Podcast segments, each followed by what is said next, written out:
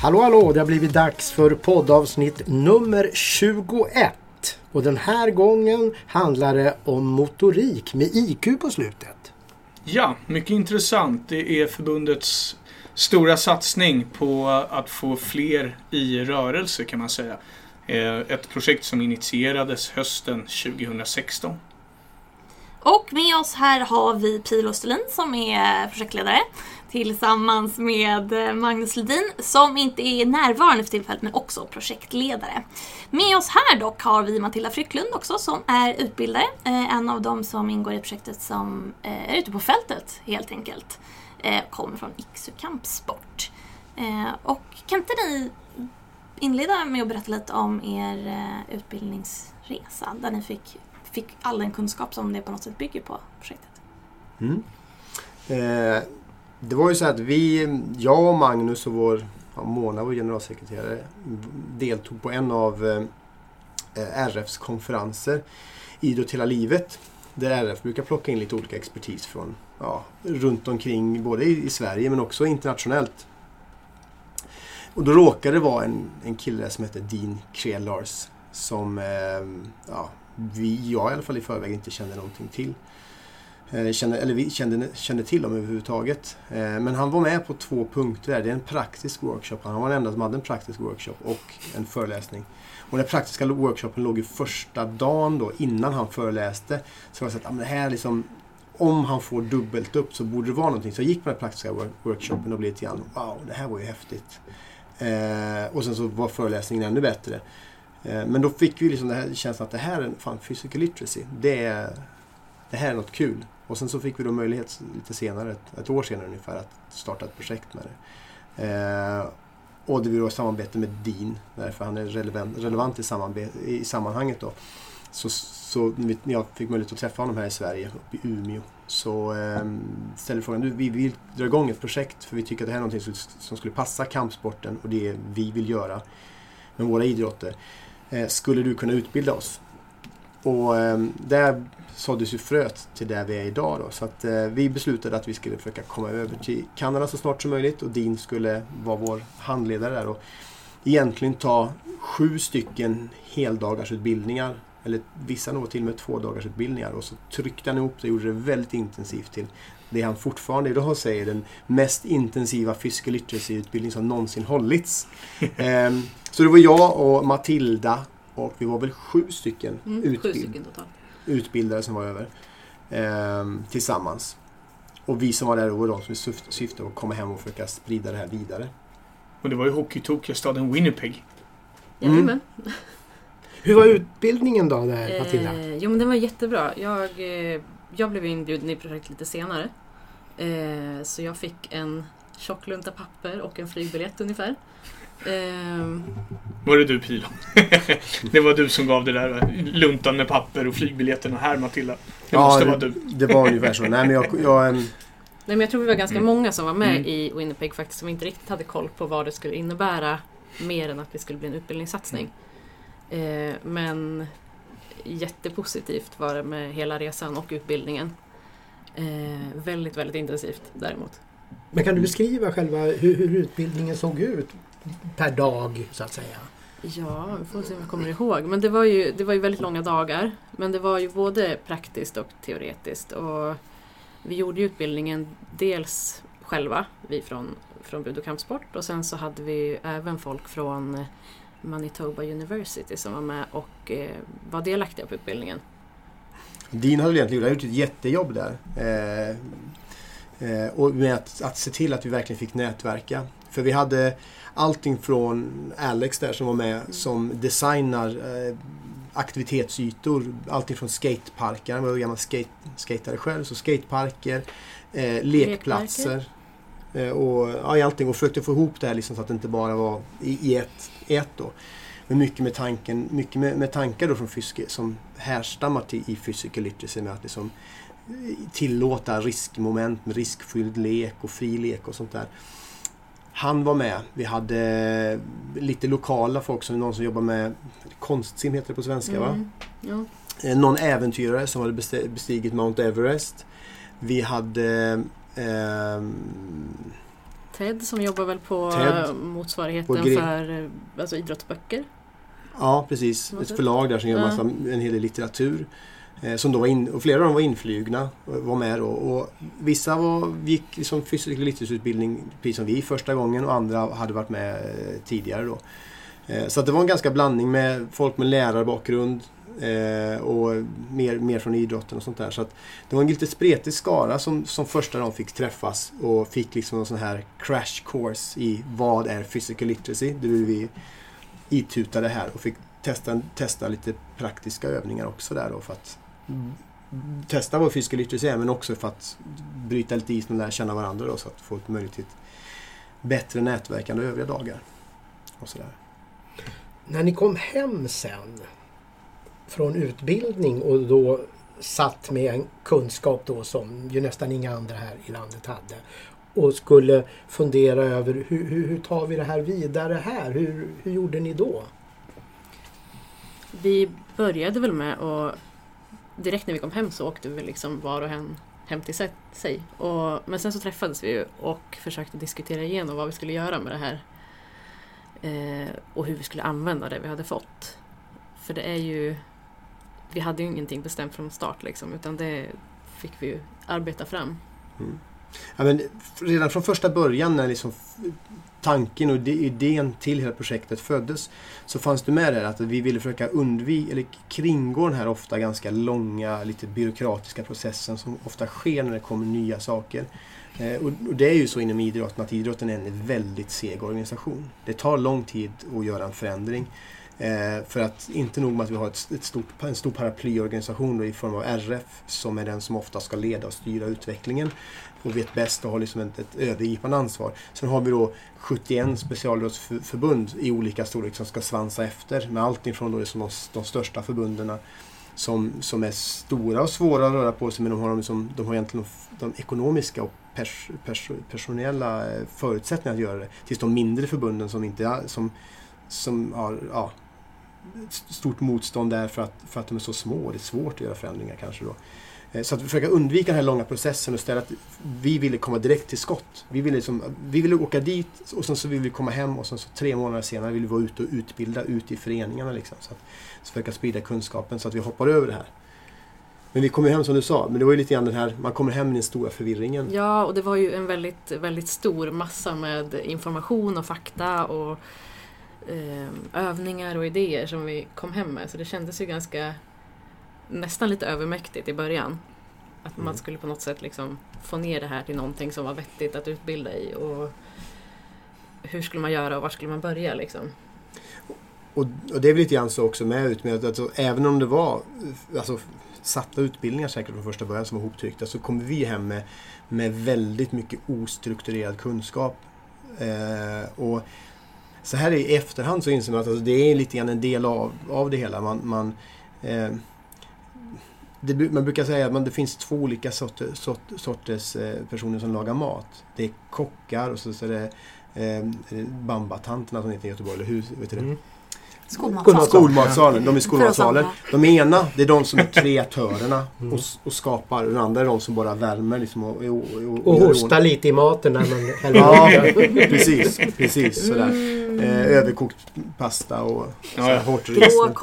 Men, men vi kom ju dit liksom med, med ganska mycket, eller hem då, med ganska mycket ostrukturerad kunskap. Men, i, men istället då möjligheten att vara de här kockarna och vara med och ha kompetensen att kunna eh, göra, någonting, eh, göra någonting bra av det själva då.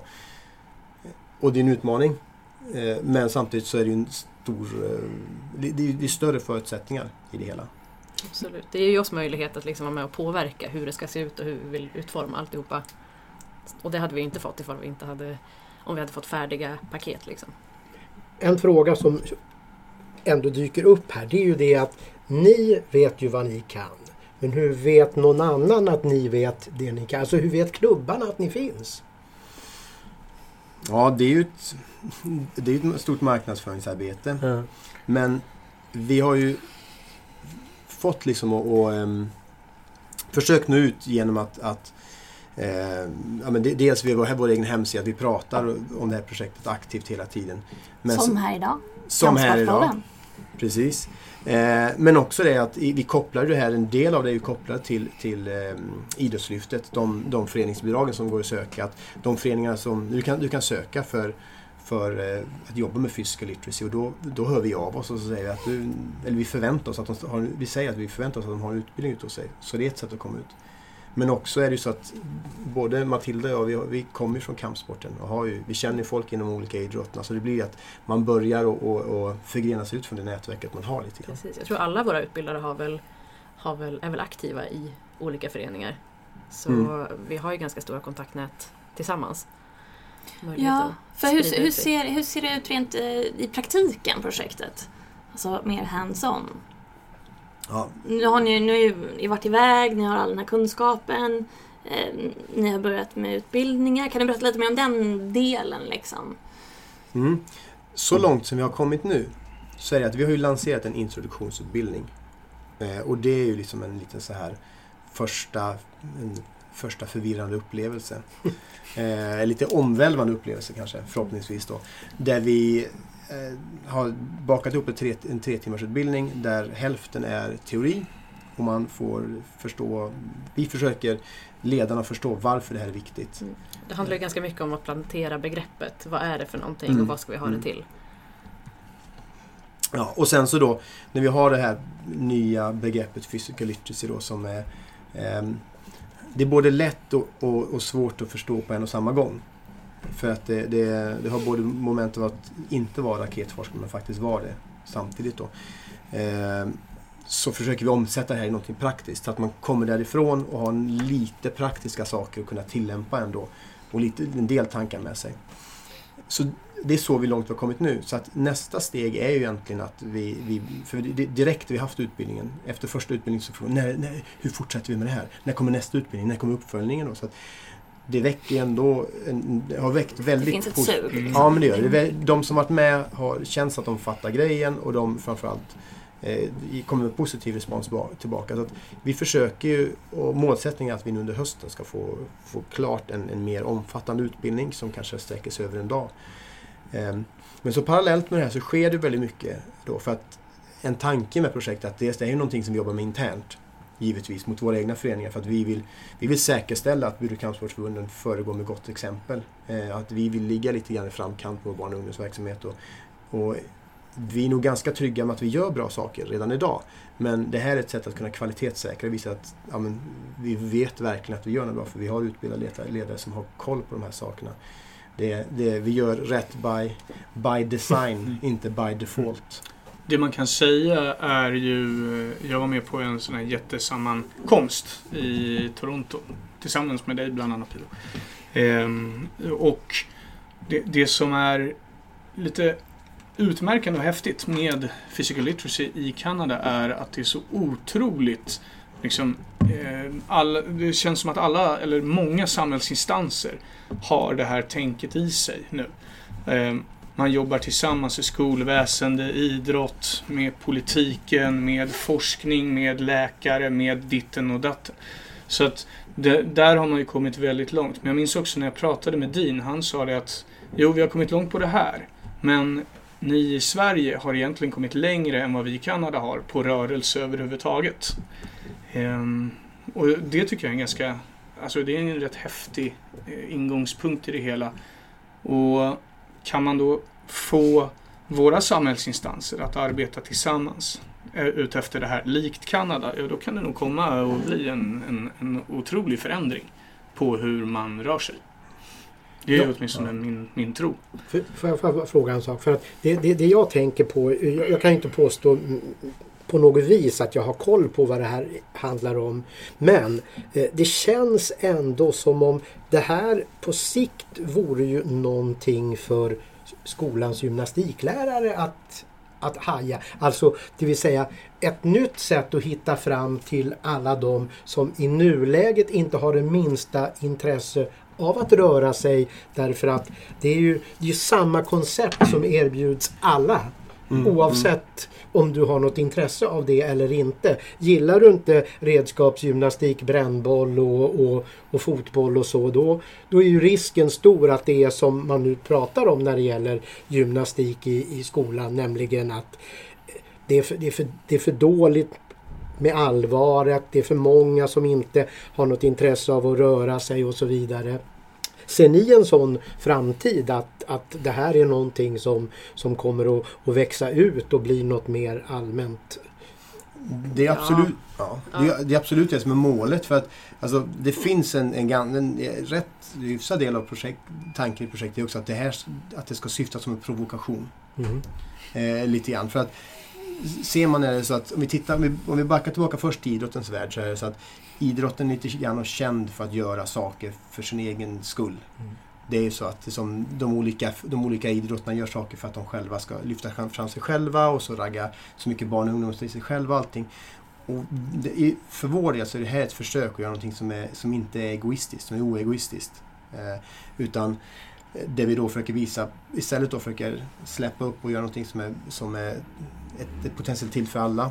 Och med just med hopp, förhoppningen att vi ska kunna nå ut åt, på, åt andra håll. För, det här, för att det här ska funka, för att samhället behöver det här, så behöver det komma ut i precis allting från förskolan. Eh, det är egentligen alla människor som har någon form av relation till barn Mm. behöver ha koll på det här. Eh, och vara medvetna om det för att det är så pass viktigt. För att vi, vi bygger ett samhälle nu som är på bekostnad av barnen. Mm. De blir någon form av offer. Nästan. Men du, vi har ju hoppat över den frågan lite grann känner jag här. Eh, vi, vi har pratat på som att alla förstår vad, vad physical literacy är. Men Pilo, du, du har ju satt in i, det, i begreppet väldigt noggrant. Mm.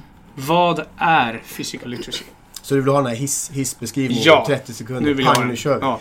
Ja, nej men... ehm, och då landar man i det här. Vi är alltså att eh, man är, vi är ute efter ett beteende egentligen. Eh, det, och beteendet att vara fysiskt aktiv. Eh, för det är, en, en, det, det är idag blivit en bristvara, någonting som försvinner. Eh, så att, att physical literacy är ett, ett holistiskt, en holistisk modell för att få folk att bli, bli fysiskt aktiva. Eh, och man kan beskriva det så här att, att det är som att lära sig läsa och skriva fast på ett, på ett rent fysiskt plan. Och, ja, hur funkar det när du ska lära dig läsa och skriva? Det första du behöver göra är att lära dig de minsta beståndsdelarna ABC, alfabetet. När du har de här minsta beståndsdelarna så kan du ta och sätta ihop dem till ord. Orden, när du har dem kan du så småningom bygga meningar och med meningarna så kan du bygga berättelser och historier och längre sammanhang. Um, och så pausar man där lite grann och så verkligen försöker tänka efter alltså, hur stort och hur betydelsefullt är eh, läs och skrivkunskaperna. Så öppnar det upp en ganska, en, en, det öppnar upp möjligheter som är ja, du, du kan ta in hela världen. En, ana, en analfabet blir väldigt begränsad i sitt liv till förhållande till någon som kan läsa och skriva. Om vi översätter det rakt av att det fun- fungerar precis likadant på ett fysiskt plan. Att för att jag ska kunna använda min kropp och kunna, i, kunna vara med i alla sammanhang och verkligen ta del av, vär, av världen och alla möjligheter som finns. Och då pratar vi både att man ska kunna hålla på med vilka idrotter man vill och få så mycket för, förutsättningar där, men också att man ska kunna delta i sociala sammanhang och situationer där man är fysiskt aktiv. Eller en sån enkel sak att man ska kunna gå ur bad, badkaret när det råkar vara lite halt i det. Eh, så behöver man lära sig först och främst de grundläggande små fysiska komponenterna eh, som är enkla rörelser. Vi behöver kunna sätta ihop de här rörelserna till att, att vi inte bara springer utan vi kan springa så att vi kan ta sats och hoppa över den där bäcken så att vi ska kunna hänga med polarna när de springer bort. Liksom. Eh, eller eh, andra saker inom idrotten. Så att vi, vi börjar med små, små bitar så bygger vi upp det till hela stora sammanhanget och så småningom har vi då möjligheten att kunna delta i olika idrotter. Så att det är lite grann som legobitar. Vi behöver ha så många, har man fåtal legobitar så kan man inte göra så mycket. Har man många legobitar i diverse olika färger och former så finns, är det bara fantasin som sätter gränser till vad man vill göra. Så att det där, det är den väldigt enkla och basala och ganska oholistiska beskrivningen på det. För det är ganska mycket större än så. Matilda, Mm.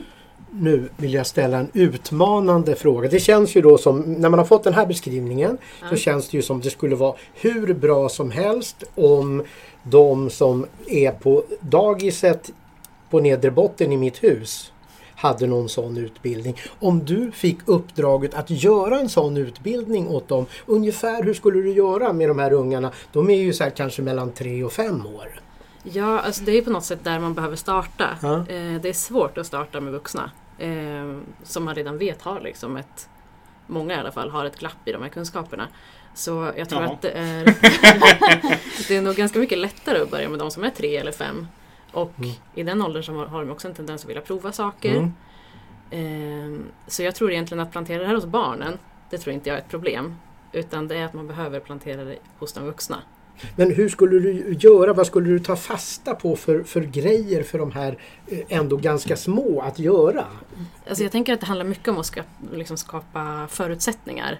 Eh, och jobba med liksom frilek, deras fantasi, vad vill de göra? Och liksom försöka komma ifrån det här med skärmtid och, och jobba mycket ute och, och våga testa, hänga med mycket på deras idéer och tankar. För jag tror faktiskt att de har, i den åldern så har man mycket idéer själv. Och jag tänker att det gäller mest att stötta dem i det och kanske passa sig för att säga ja, men akta, balansera inte där eller ehm, ta det försiktigt när du går på isen utan låt dem, låt dem köra på så kommer man ganska långt.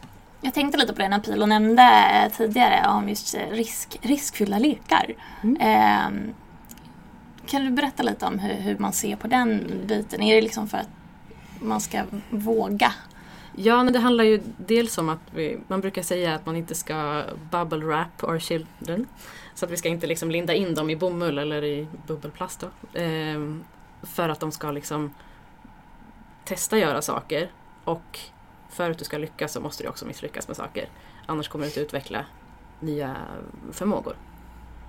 Så det är ju ett sätt att liksom bredda deras så egentligen genom ett, en, en större spektra av trygghet i olika situationer? Ja, och det, Ett det större liksom gör ju att barnen blir utvecklas både liksom motoriskt och fysiskt och socialt om man får ja, men, ha lite mer riskfyllda lekar. Det är inte föräldrar och vuxna som bestämmer. Nej, men det handlar ju väldigt mycket om att, att vi har en generation nu som, som har blivit eh, präglad av en, en omsorgsångest. Där vi från vuxenvärlden eh, ser risker och faror som samma sak. Men det är en stor skillnad med en risk och en, och en fara. En risk innebär att du kan ramla och skrapa dig eller slå Du kan skada dig men, men en fara är ju någonting där du riskerar att kanske dö eller någon, någon få bestående bil? Ja, men Mm. precis bestående men. Eh, och det handlar väldigt mycket om att alltså, vuxenvärlden måste backa tillbaka och se hur såg min barndom ut. För man pratar med vuxna så idag så är det väldigt tydligt. De flesta reagerar över hur de själva behandlar sina barn eller de barnen, barn behandlas idag i förhållande till hur de själva eh, fick ha sin uppväxt. Vi behöver, vi behöver ge barn förtroende igen. Vårt förtroende att faktiskt leka fritt och klara sig själva. För att precis som Matilda är inne, inne på, att det som de här små barnen, vi är programmerade till, att, till fysisk aktivitet. Det finns med oss i vårt DNA. Små barn tittar hela tiden på äldre barn, vad de gör, och så försöker vi härma Eh, och, och liksom jaga efter. Vi har ett, ett, ett driv på att hela tiden lära oss nya saker. Det finns något kittlande i det hela.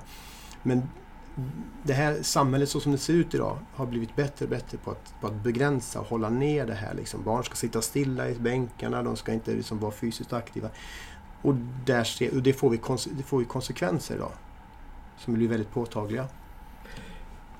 Får jag bara, eh, vi måste ju snacka om lite vad som händer inom bud och kampsport och vad som ska hända sen på Gotland också. Mm. Men jag har två stycken frågor. Jag är ju gammal och dessutom lite gaggig. Om jag skulle vara intresserad av det här projektet, kan jag hoppa på det då? Absolut. Eh, det, för att tanken är ju så här att vi har ju en... Det är lite grann som så att physical literacy, alla människor som har någon form av relation till barn kommer känna sig träffade av det här. Eh, om man har liksom, tankar, och åsikter. De har ju de flesta. De flesta har stora syskon, småsyskon.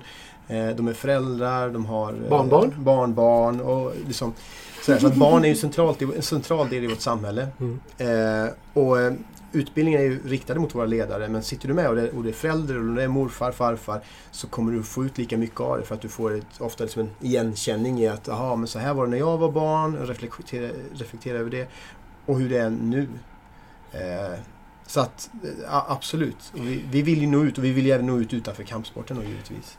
Om det är några som lyssnar här nu som har blivit intresserade av det här. Då, hur, hur, hur ska man gå tillväga och vad kommer att hända med den som hör av sig dit man ska höra av sig? Då, I sådana fall så hör man av sig till mig. Eh, mina uppgifter finns på Burkampsportförbundets hemsida under eh, fliken eh, Physical Literacy. Och eh, sen eller till Magnus också, projektledare.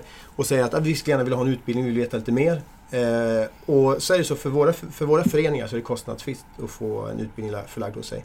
Eh, då vill vi givetvis att de, vi försöker få in så många som möjligt, mm. vi vill sprida det. Så vi försöker då i närområdet att bjuda in så många föreningar som möjligt. Och det kan vi vara behjälpliga med, men vi vill gärna att föreningarna hjälper sig själva. Och så försöker vi bara boka ett, ett datum och så kommer jag, Matilda eller någon av våra andra utbildare ut. Beroende på, på lite grann var i landet det, eh, det handlar om. Ehm, Så att svårare än så behöver det inte vara. Och vad, vad följer med då? Att, att jag blir utbildad sen, om jag har hoppat på det här. Vad, vad, vad, vad följer med för mig? Vad förväntas jag då göra? Kan jag göra ingenting eller förväntas jag på något sätt föra det här vidare? På, eller? Vi, vi har ju så pass stort självförtroende i det här.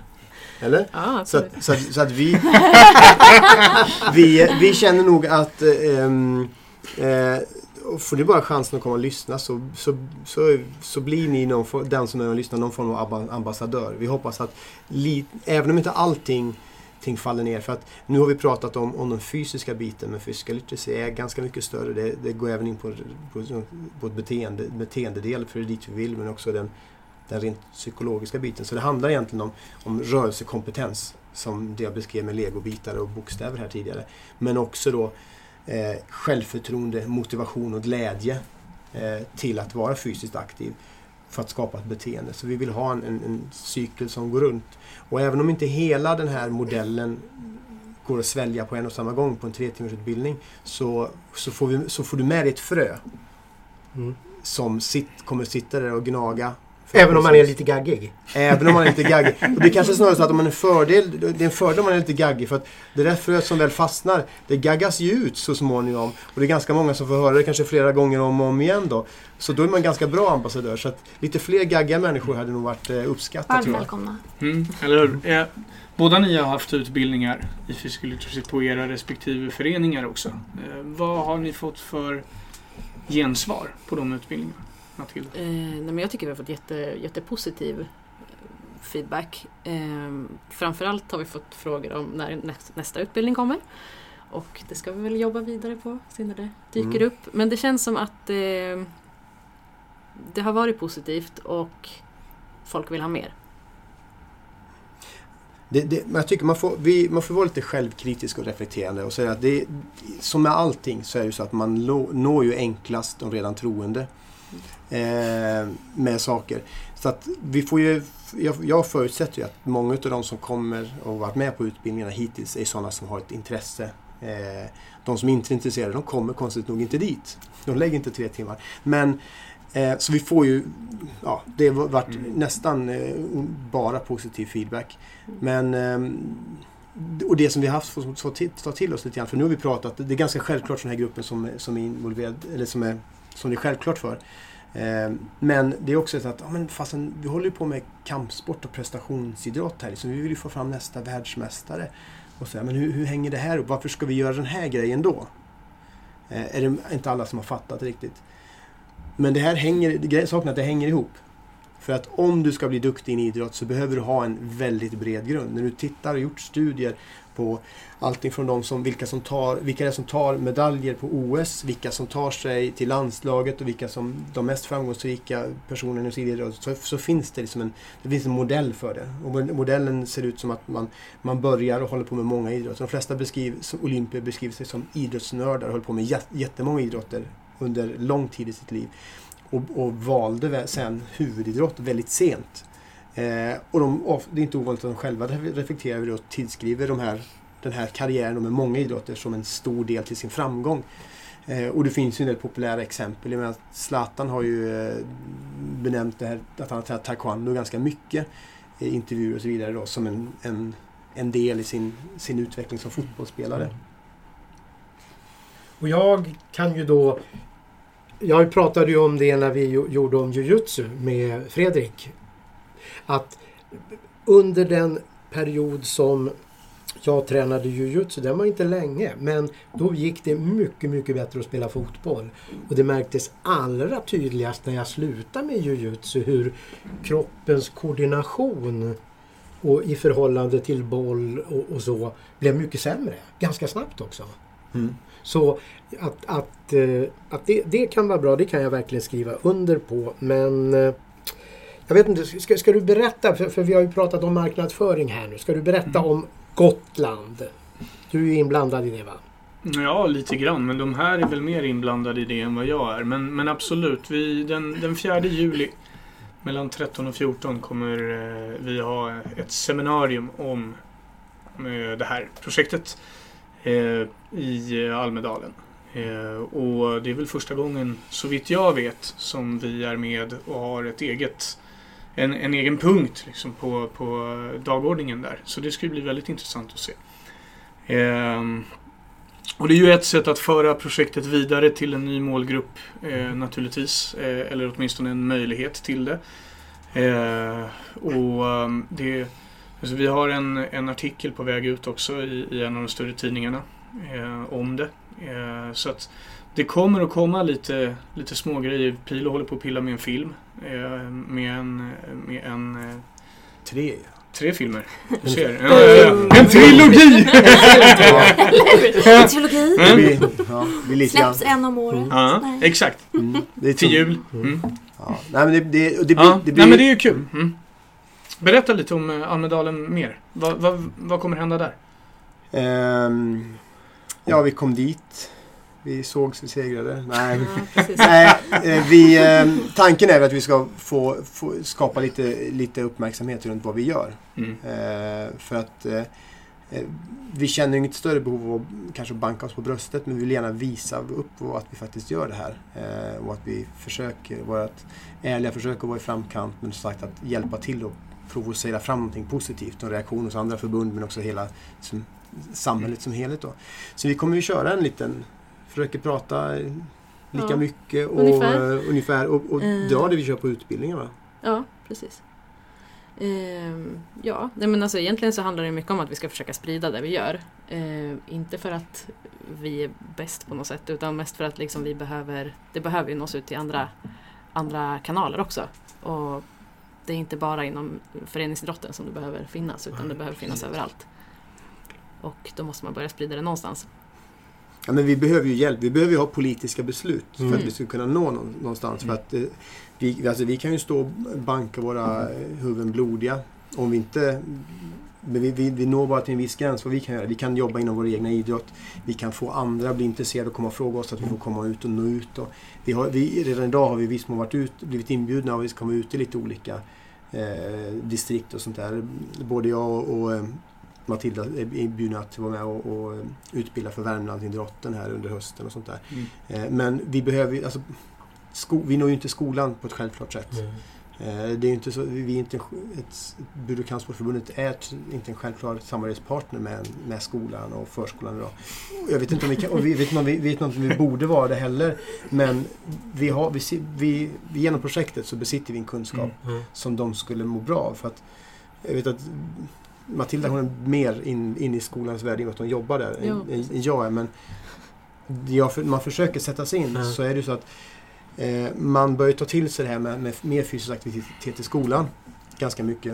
Eh, men det, det landar inte riktigt på den nivån som vi önskar och med, med vårt literacy perspektiv. Utan det handlar väldigt mycket om, om pulsträning. Mm. Pulsträning är positivt och bra men det är egentligen en physical literacy berikad pulsträning som Mm. ger någon, någon större kvalitet för att då utvecklar du människan ur ett större perspektiv än Mm. bara liksom det som pulsträningen ger. Det skulle kunna bli ännu mycket bättre. Ja, just pulsträningen så hamn, då blir det ju liksom bara de, de barnen och ungdomarna som redan är liksom inbitna, som gillar idrott, som gillar att röra sig, som tycker att det är kul. Resten kommer inte få ut så mycket mer av att träna mer puls. Det är inte Mm. som att det liksom skapar ett livslångt idrottsintresse. Redan på min tid förespråkade jag faktiskt längre raster i skolan. Det var du säkert jag var- ensam om. Alltså jag hade väldigt ont i huvudet när det var mattelektion men sen rasten efter var jag pl- plötsligt väldigt frisk. Ja, klättrade i träning. Ja, Men det var inte så länge sedan de, de kom, visade en undersökning då hur, hur skolbarns eh, område att vistas på rasterna hade krympt under Mm. de senaste Ja, tio precis. åren. Eh, och det var ju ganska radikalt och på, på vissa ställen så såg man ju att det eh, jag menar fotboll och sånt där, det var ju inte riktigt att tänka på. Nej. Och, och då, är, då, då återkommer man ju till den här grejen att om, om det då finns folk på skolan som har motsvarande utbildning i det som ni har så skulle ju de möjligen kunna sprida någon form av inspiration för barnen att kunna hitta på saker och göra på det utrymmet som är där i den mån de inte kan det själva. Så att det ändå förekommer rörelse när det är meningen att man ska röra sig. För det är ju inte meningen att man ska, ska liksom sitta och, och trycka på någon mobil på rasten direkt.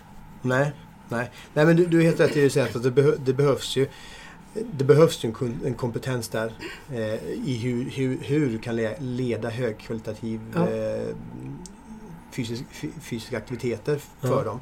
Eh, och, mm, och eh, det finns en hel del positiva projekt. Alltså, men jag har ju mina egna barn i, i skolan, i alla fall ett av dem. Mm. Och du ser att det finns ju en del sådana här eh, värdar då, som lekvärdar på Mm. skolorna och lite olika projekt. Eh, och, och det är ju bra projekt men, men det saknar den här strukturen och helt enkelt de här physical literacy-glasögonen. För att det vi helst skulle vilja är att man, att man tar i beaktning det här. För att um, om man bara skulle spela fotboll på rasterna och det är det som finns, och det finns en del skolgårdar så, det finns en, en, en, en större yta och där är en Mm. konstgräsplan för det har väl varit väldigt populärt att Det är det bygga på skolan vid mig. Ja. Och då vet vi det att när vi har en konstgräsplan så nyttjas den av killar som gillar Mm. att spela fotboll. Ja. Tjejerna får inte rum att vara Nej. där så att eh, då, får, då, då brukar de schemalägga det. Men när det är schemalagt så är det knappt så att som tjejerna vill vara där ändå. Så att det blir, det, man har lagt en ganska stor yta för en väldigt liten grupp. Mm. Ehm, och det blir ganska begränsat. Så vi behöver ju vi behöver se till att man, att man verkligen säkrar upp och ja, designar aktiviteter, om det nu är alltså en strukturerad aktivitet man ska ha, som ser till att man lär sig så mycket olika saker som möjligt med olika typer av lekar. Och ha ett tänk, men också gå vidare att, att ja, se till att när vi väl lär oss det här, att det faktiskt skapar självförtroende. Och en själv, eh, att vara fysiskt aktiv, för det är grundläggande. Om du, är, om, du, om du kan någonting så skapar det självförtroende och motivation att faktiskt göra det. Så att vi behöver ge den här drivkraften att Physical literacy handlar väldigt mycket om att skapa en, en, ett självgående, att jag själv förstår och vill vara fysiskt aktiv. Eh, och då behöver du, då, då räcker det inte att bara ha en konstgräsplan och låt slänga in en Mm. boll. Nej. Sen finns det ju många kommuner nu som börjar liksom tänka i de här banorna också. Ehm, Jag jobbar och bor i Umeå kommun och där jobbar de mot det. Men om man säger att idrotten är liksom en seg rörelse att få igång så är det ingenting jämfört mot eh, kommunerna. Så det är ju liksom Det är ett långt Mm. projekt som kommer ta mycket Mm. tid att liksom starta igång bara. Och ännu längre tid att få liksom fungera och vara, vara igång. Mm. Så, men det rör sig ändå åt rätt håll på flera olika planer. Alltså, Ja. Och det, men det är där vi hoppas med Almedalen att vi ska kunna nå ut. För att den här minimala, eller alldeles för, li, för lilla eh, skolgården eller, eller ytan då vid, vid, vid förskolan. Det är ju, det är, en det är ju politiker som har fattat besluten på att man ska förtäta innerstan och, och, och bygga på höjden och så vidare. Där, där de, de fria ytorna försvinner. Eh, och om vi kan vara med och så för, förklara vikten av fysisk aktivitet men också att det finns vad physical literacy är och hur, hur, relevant och viktigt det är. Mm. Så förhoppningsvis så kan, det, kan de lägga ihop ett och ett och få ihop det att oj, så här kan vi inte göra. Storlek är, är kvalitet gånger när det gäller, när det gäller aktivitetsytor.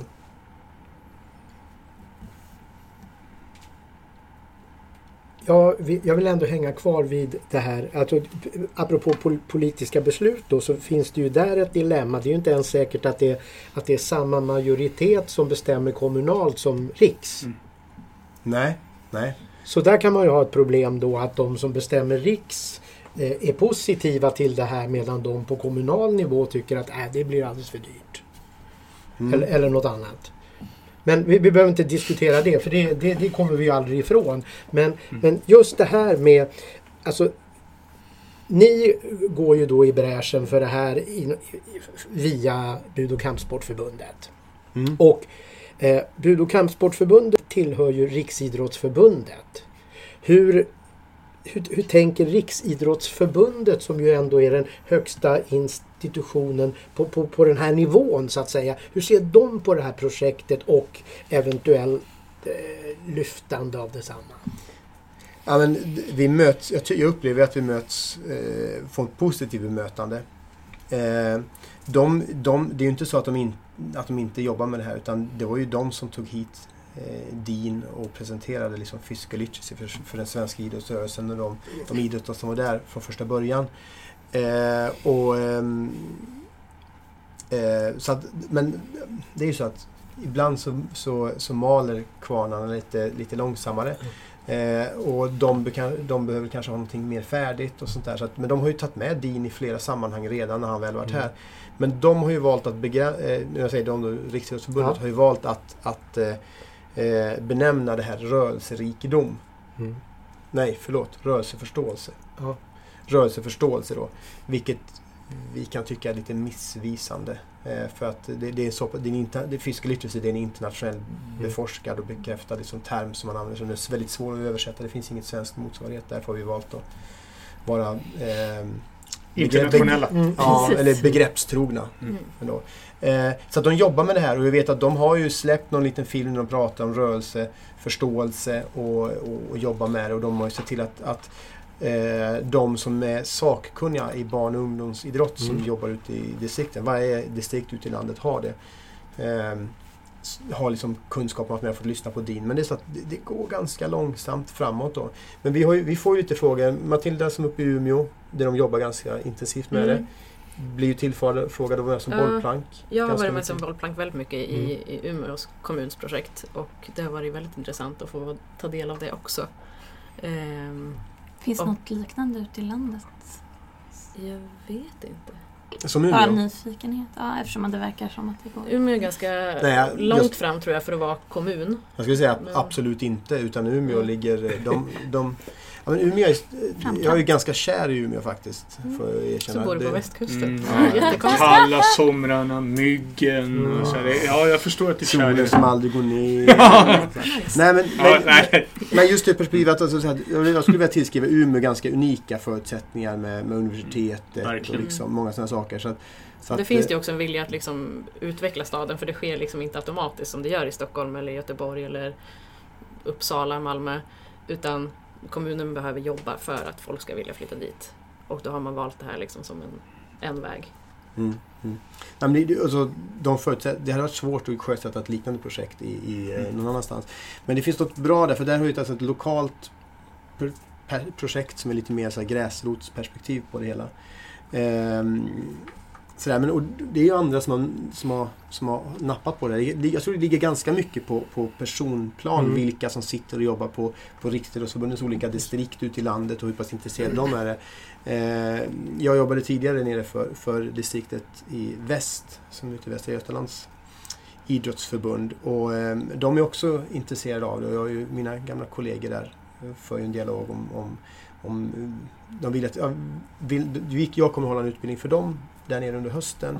Eh, och även då vara med och hjälp, liksom, Mm. sprida den kunskapen jag har bland eh, lite personal och sånt som de har. Och i andra projekt de menar vara med och komma igång. Och det är ju, eh, jätte, det är, det är ju Sveriges största eh, idrottsdistrikt där nere då, som är en, i princip en, en femtedel utav hela svensk idrott. Mm. Så att, att de är intresserade på bollen är ju bra. Men det är många ställen. Smålandsidrotten så också. För det jag tänker är då att Riksidrottsförbundet kanske till och med borde projektanställa någon som, som liksom jobbar upp mot, ut mot respektive sån här grupp som finns där och, och säkerställer att de vet att det, det finns såna här resurser i, i landet att nyttja om, om man så önskar. Vore inte det en Mm. bra idé tror du? Jo, ja, eh, ibland så är organisationen så stor i att Riksidrottsförbundet som alltid håller koll. Men de, de jobbar, alltså det, vi har, vi har ju, vi har ju pratat med det. Dels så har vi någonting som heter Idrottens dag.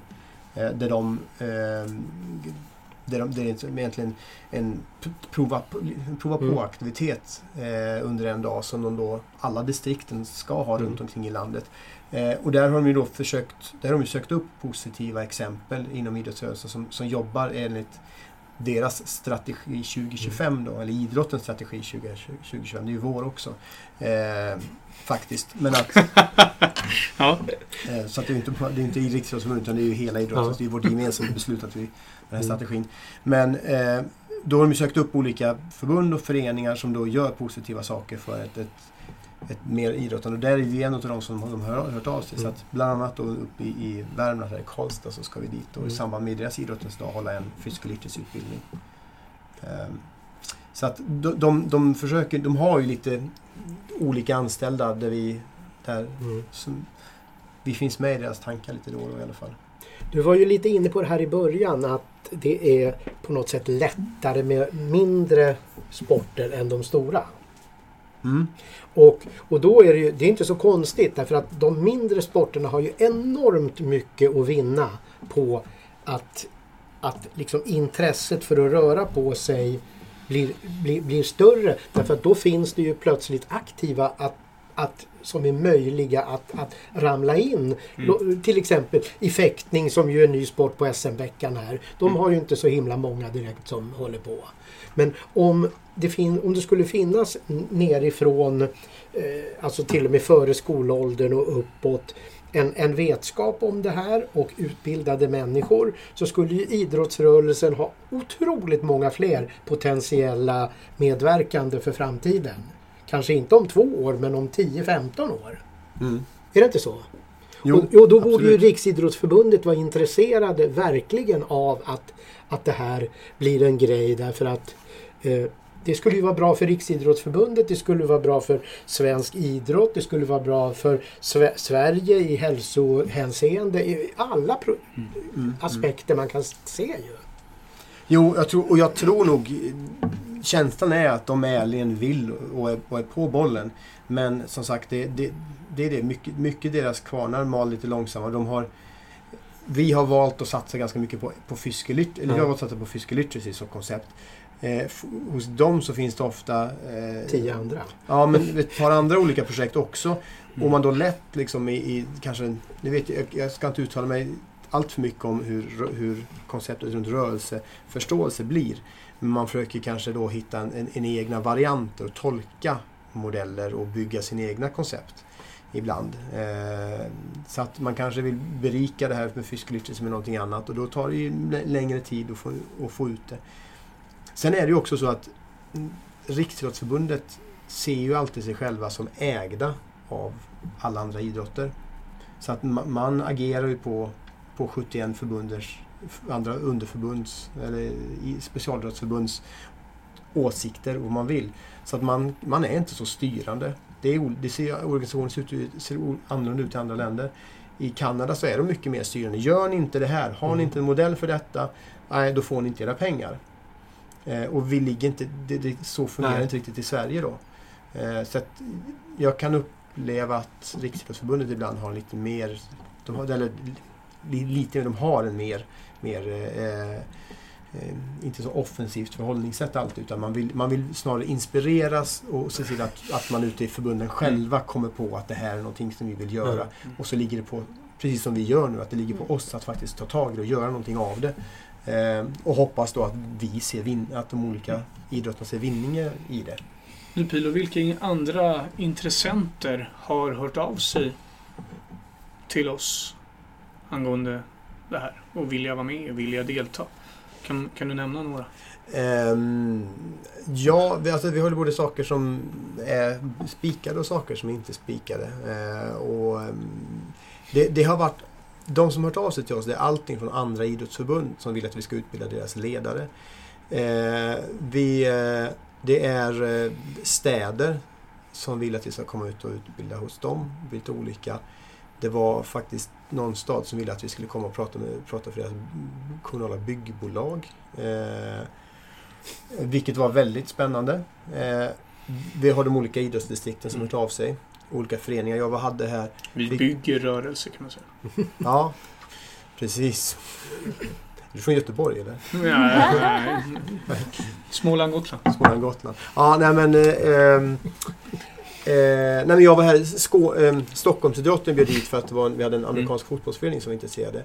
Eh, och sen så var det ju plötsligt så var det inte bara amerikansk fotboll utan det var det en simhopp och det var handboll och sånt där. Så Mm. det, det sprider sig lite grann. Sen har vi en, en eh, det är inte officiellt än, men en av Sveriges största idrotter eh, sitter vi tillsammans med och eh, eh, håller på att titta på att de vill göra en... Eh, eh, en ett, ett, ett, de, har, de, har, de har ett projekt där vi, de vill ha med oss. Och vi jobbar tillsammans med att eh, ta fram en koncept för physical literacy som vi ska testa i, i deras föreningar. Spännande. Det låter som att det Mm. finns mycket framåt. Det är ju Almedalen, det har vi redan pratat om. Men Mm. vad finns det mer för framtidsplaner? Nu har vi, har vi hört lite som komma, eller vad som ligger och bubblar kan man säga. Men finns det något nå, nå mer om hur liksom... Det är ju semester efter Almedalen. Det är ju, Det är det som är Fan det också. viktigaste projektet just nu. nej men det, är väl- ja, det behövs en välbehövlig vila efter den här. Mm. Nej, Jag tror det också. ja. Eh, Efter podden alltså. Ja, det- Ja. nej, nej, men... ehm, nej, men som sagt, alltså det känns som att vi har... Det, det är mycket nu. Lite grann. För att som sagt, vi, vi behöver ju kunna sitta ner och, och dels då våra som har filmer vi nämnde tidigare. Vi har ju två utbildningsfilmer då och så lite sådär, lite kortare um, filmer som kommer... Eh, Trilogin. en trilogi som kommer marknadsföra de här två filmerna. Lite grann, om det, om det landar. Eh, så det blir någon form av femolo, femologi. Femologi.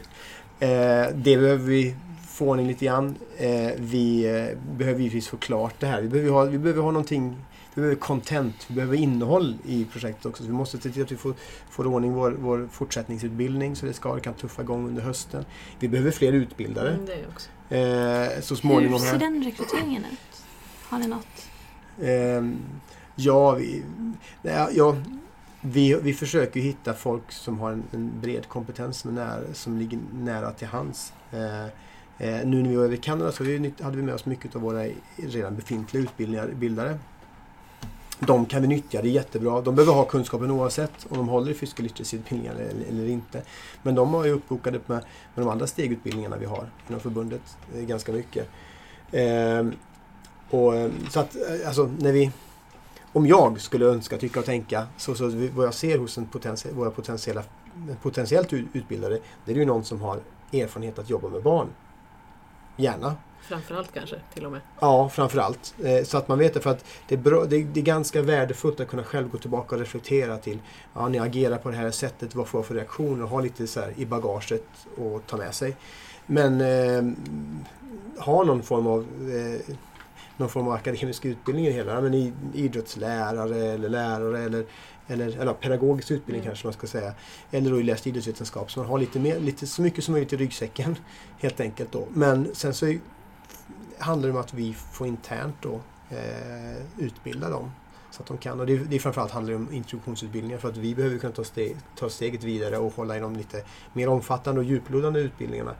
Där vi kanske är de som har kompetensen eh, eller den, den unika kompetensen att kunna Mm. hålla i dem då. Eh, medans eh, vi kan ha de här instruktionsutbildningarna plocka ut. Så vi har lite, grann, lite folk där som vi är på G och ska involvera så att de får vara med och bli lite varma i kläderna och sådär. Så så Mm. tänker vi lite grann runt ut- utbildarna. Mm. Men vad, ja, vad är mer på gång? Det, det, det känns som det är mycket, nu tycker jag inte det kom nämnt så mycket här. Tomt prat mest. Ja, nej, men man kan väl säga som så. Eh, alltså, eh, Eh, jag som jobbat i förbundet nu i nästan tio år med kommunikation och med att försöka få ut kampsport till allmänheten och sådär. Man kan väl säga som så att det här projektet är ju ett gyllene tillfälle för att också kunna ta tillfället i akt att tvätta bort vissa av de fördomar som finns inom kampsport. Att här får vi liksom möjlighet att visa så det här står vi för när det handlar om barn och ungdomsträningar och sådär. Eh, folk i gemen kanske inte alls har den, den synen på kampsportsträning för barn och unga så som det här projektet skulle kunna lyfta fram det. Det tror jag är jävligt intressant. Nej. Och det, och det tycker jag är- det är värt att nämna också hur faktiskt... För jag, jag var uppe i Umeå här och och, tillsammans, Din, var, Din var där för ett tag sedan och Mm. höll lite utbildningar. Och fick möjlighet att träffa en av Matildas kollegor här. Som då, som då var eh, idrottslärare. Eh, vars dotter så små, i alla fall, Mm, dotter tränar i Ja. våran kampsportsleksgrupp. Och hur hon då, liksom, det var en liten ögonöppnare för att nu, nu så har man ju då man har varit aktiv i kampsporten i ganska många år och börjat se hur liksom attityderna förändras på många sätt och vis. Helt plötsligt så står de våra, våra eh, mästare står de i tidningarna och sådana här saker. Så att det, det, alltså, kampsportsklubbarna blir fullare och fullare och sådär så att vi växer. Men det var väldigt spännande att träffa henne då för att när vi pratade om det här med liksom kampsport då, så sa hon, så, så, så, och hon är ändå idrottslärare och tyckte man att de borde ha, de har ju ganska stor kunskap om idrott liksom och var inte var särskilt fördomsfulla. Men när hon då hade liksom varit lite förfärad, så när du hade erbjudit hennes dotter att vara med och träna så liksom hon hade svårt att bara nästan då spontant säga att nej men vänta, nu, hon kan inte kalla kampsport liksom så här då. Ehm, eh, men hon hamnade där så småningom. Ja. Och, och, hon, Det där. Ja, och din kollega beskrev, jag kommer ihåg hon beskrev det som att men det var inte alls som hade tänkt mig då. Men det är lite grann, vi ju... Våra idrotter är ju väldigt allsidiga. När, vi, när, de, kommer, när de kommer till oss och vi, vi tränar dem som barn så får de en väldigt allsidig skolning. Alltså vi, vi, vi har elitidrott väldigt nära till hands redan som det är. Det är lite grann så att aha, men det här har vi gjort i alla, i, i alla år, kan många tycka. Mm. Men de har inte gjort det med de här teorierna. Och sen så finns det liksom, vi kan, vi kan spicea upp det vi gör ännu mer och framförallt säkerhets... Eh, Det handlar ju mycket om för ledarna att ta på sig ett par andra glasögon och se Mm. liksom, på sin verksamhet på ett annat sätt. mm, kan man ju säga. Även ifall mycket av övningarna och det vi gör är liksom samma som vi har gjort länge. Så, så handlar det om att se på det på ett annat sätt. Och kanske lite mer aktivt välja hur man jobbar med det. Men för vi är vana vid det. Alltså de, barnen och ungdomarna de är hos oss och tränar och, så, och sen så kommer de vart och säger du kan inte, jag vara, kan inte jag vara med här och träna på ett tag för nu, har vi, nu kommer vi ha matcher här och en cup. Om inte jag är med på alla trä, trä, träningar här så, så då får inte jag med och spela matcherna. För att de då håller på med någon annan idrott. Eh, och då är vi vana inom kampsport så att ja, ja men visst, det är lugnt, du är välkommen när du vill. Vi ställer, för vi, vi ställer inga krav på träningsnärvaro och sånt. utan De är välkomna att komma när de vill och vara med. Och för att vara med för att de tycker det är kul. Eh, men då förhoppningsvis så vinner vi i slutändan. De, de kommer tillbaka till oss när de, när de, när de blivit kanske brända på andra håll.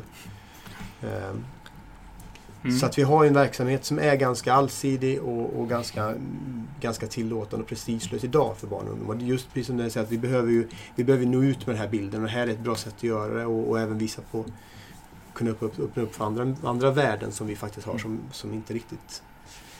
Vi är en modern idrott eh, och fungerar på ett, fungerar på ett väldigt... Våra idrotter är väldigt moderna i sitt, sitt sätt att fungera faktiskt. Då. Mm. Anpassade efter så som människors behov idag. Eller Och önskemål. apropå det där med att visa upp. Eh, vi håller på och jobbar med att vi ska kunna sända eh, seminariet från Almedalen i vår webb-tv. Vi hoppas att vi får, får den lösningen på plats här inom några dagar. Bara en sån sak. Mm. Ja, Mm. jättespännande. Då, det blir ju ingen press alls på oss. Nej. Leverera. Leverera! Ja, men, det är ju- ja, men Löfven och alla de här som sitter där och lyssnar och sen så TV dessutom då. S, sa du SVT? jag, vis, jag visste inte man Det är ungefär kunde, lika många tittare så att det jag visste inte man kunde få offert från dem. SBOK-TV SBOK TV, ja. Blir det. Ja men det kan bli väldigt kul för då Det kan man ju Mm. då kan man ju se det i efterhand också då. Mm. Gå tillbaka och se vad man har gjort Det fel är och sådär. tanken. Ja. Ska vi börja runda av det här? Ja, absolut. Det var supertrevligt att ni kunde komma förbi Mm. och berätta lite mer. Och eh, lycka till på i Gotland. Tack så mycket. Tack, tack. Ja, det Och ha en trevlig semester. Ja, det. Efter, efter Gotland så hoppas jag att det är, det är välförtjänt. Det blir det. Tack så mycket.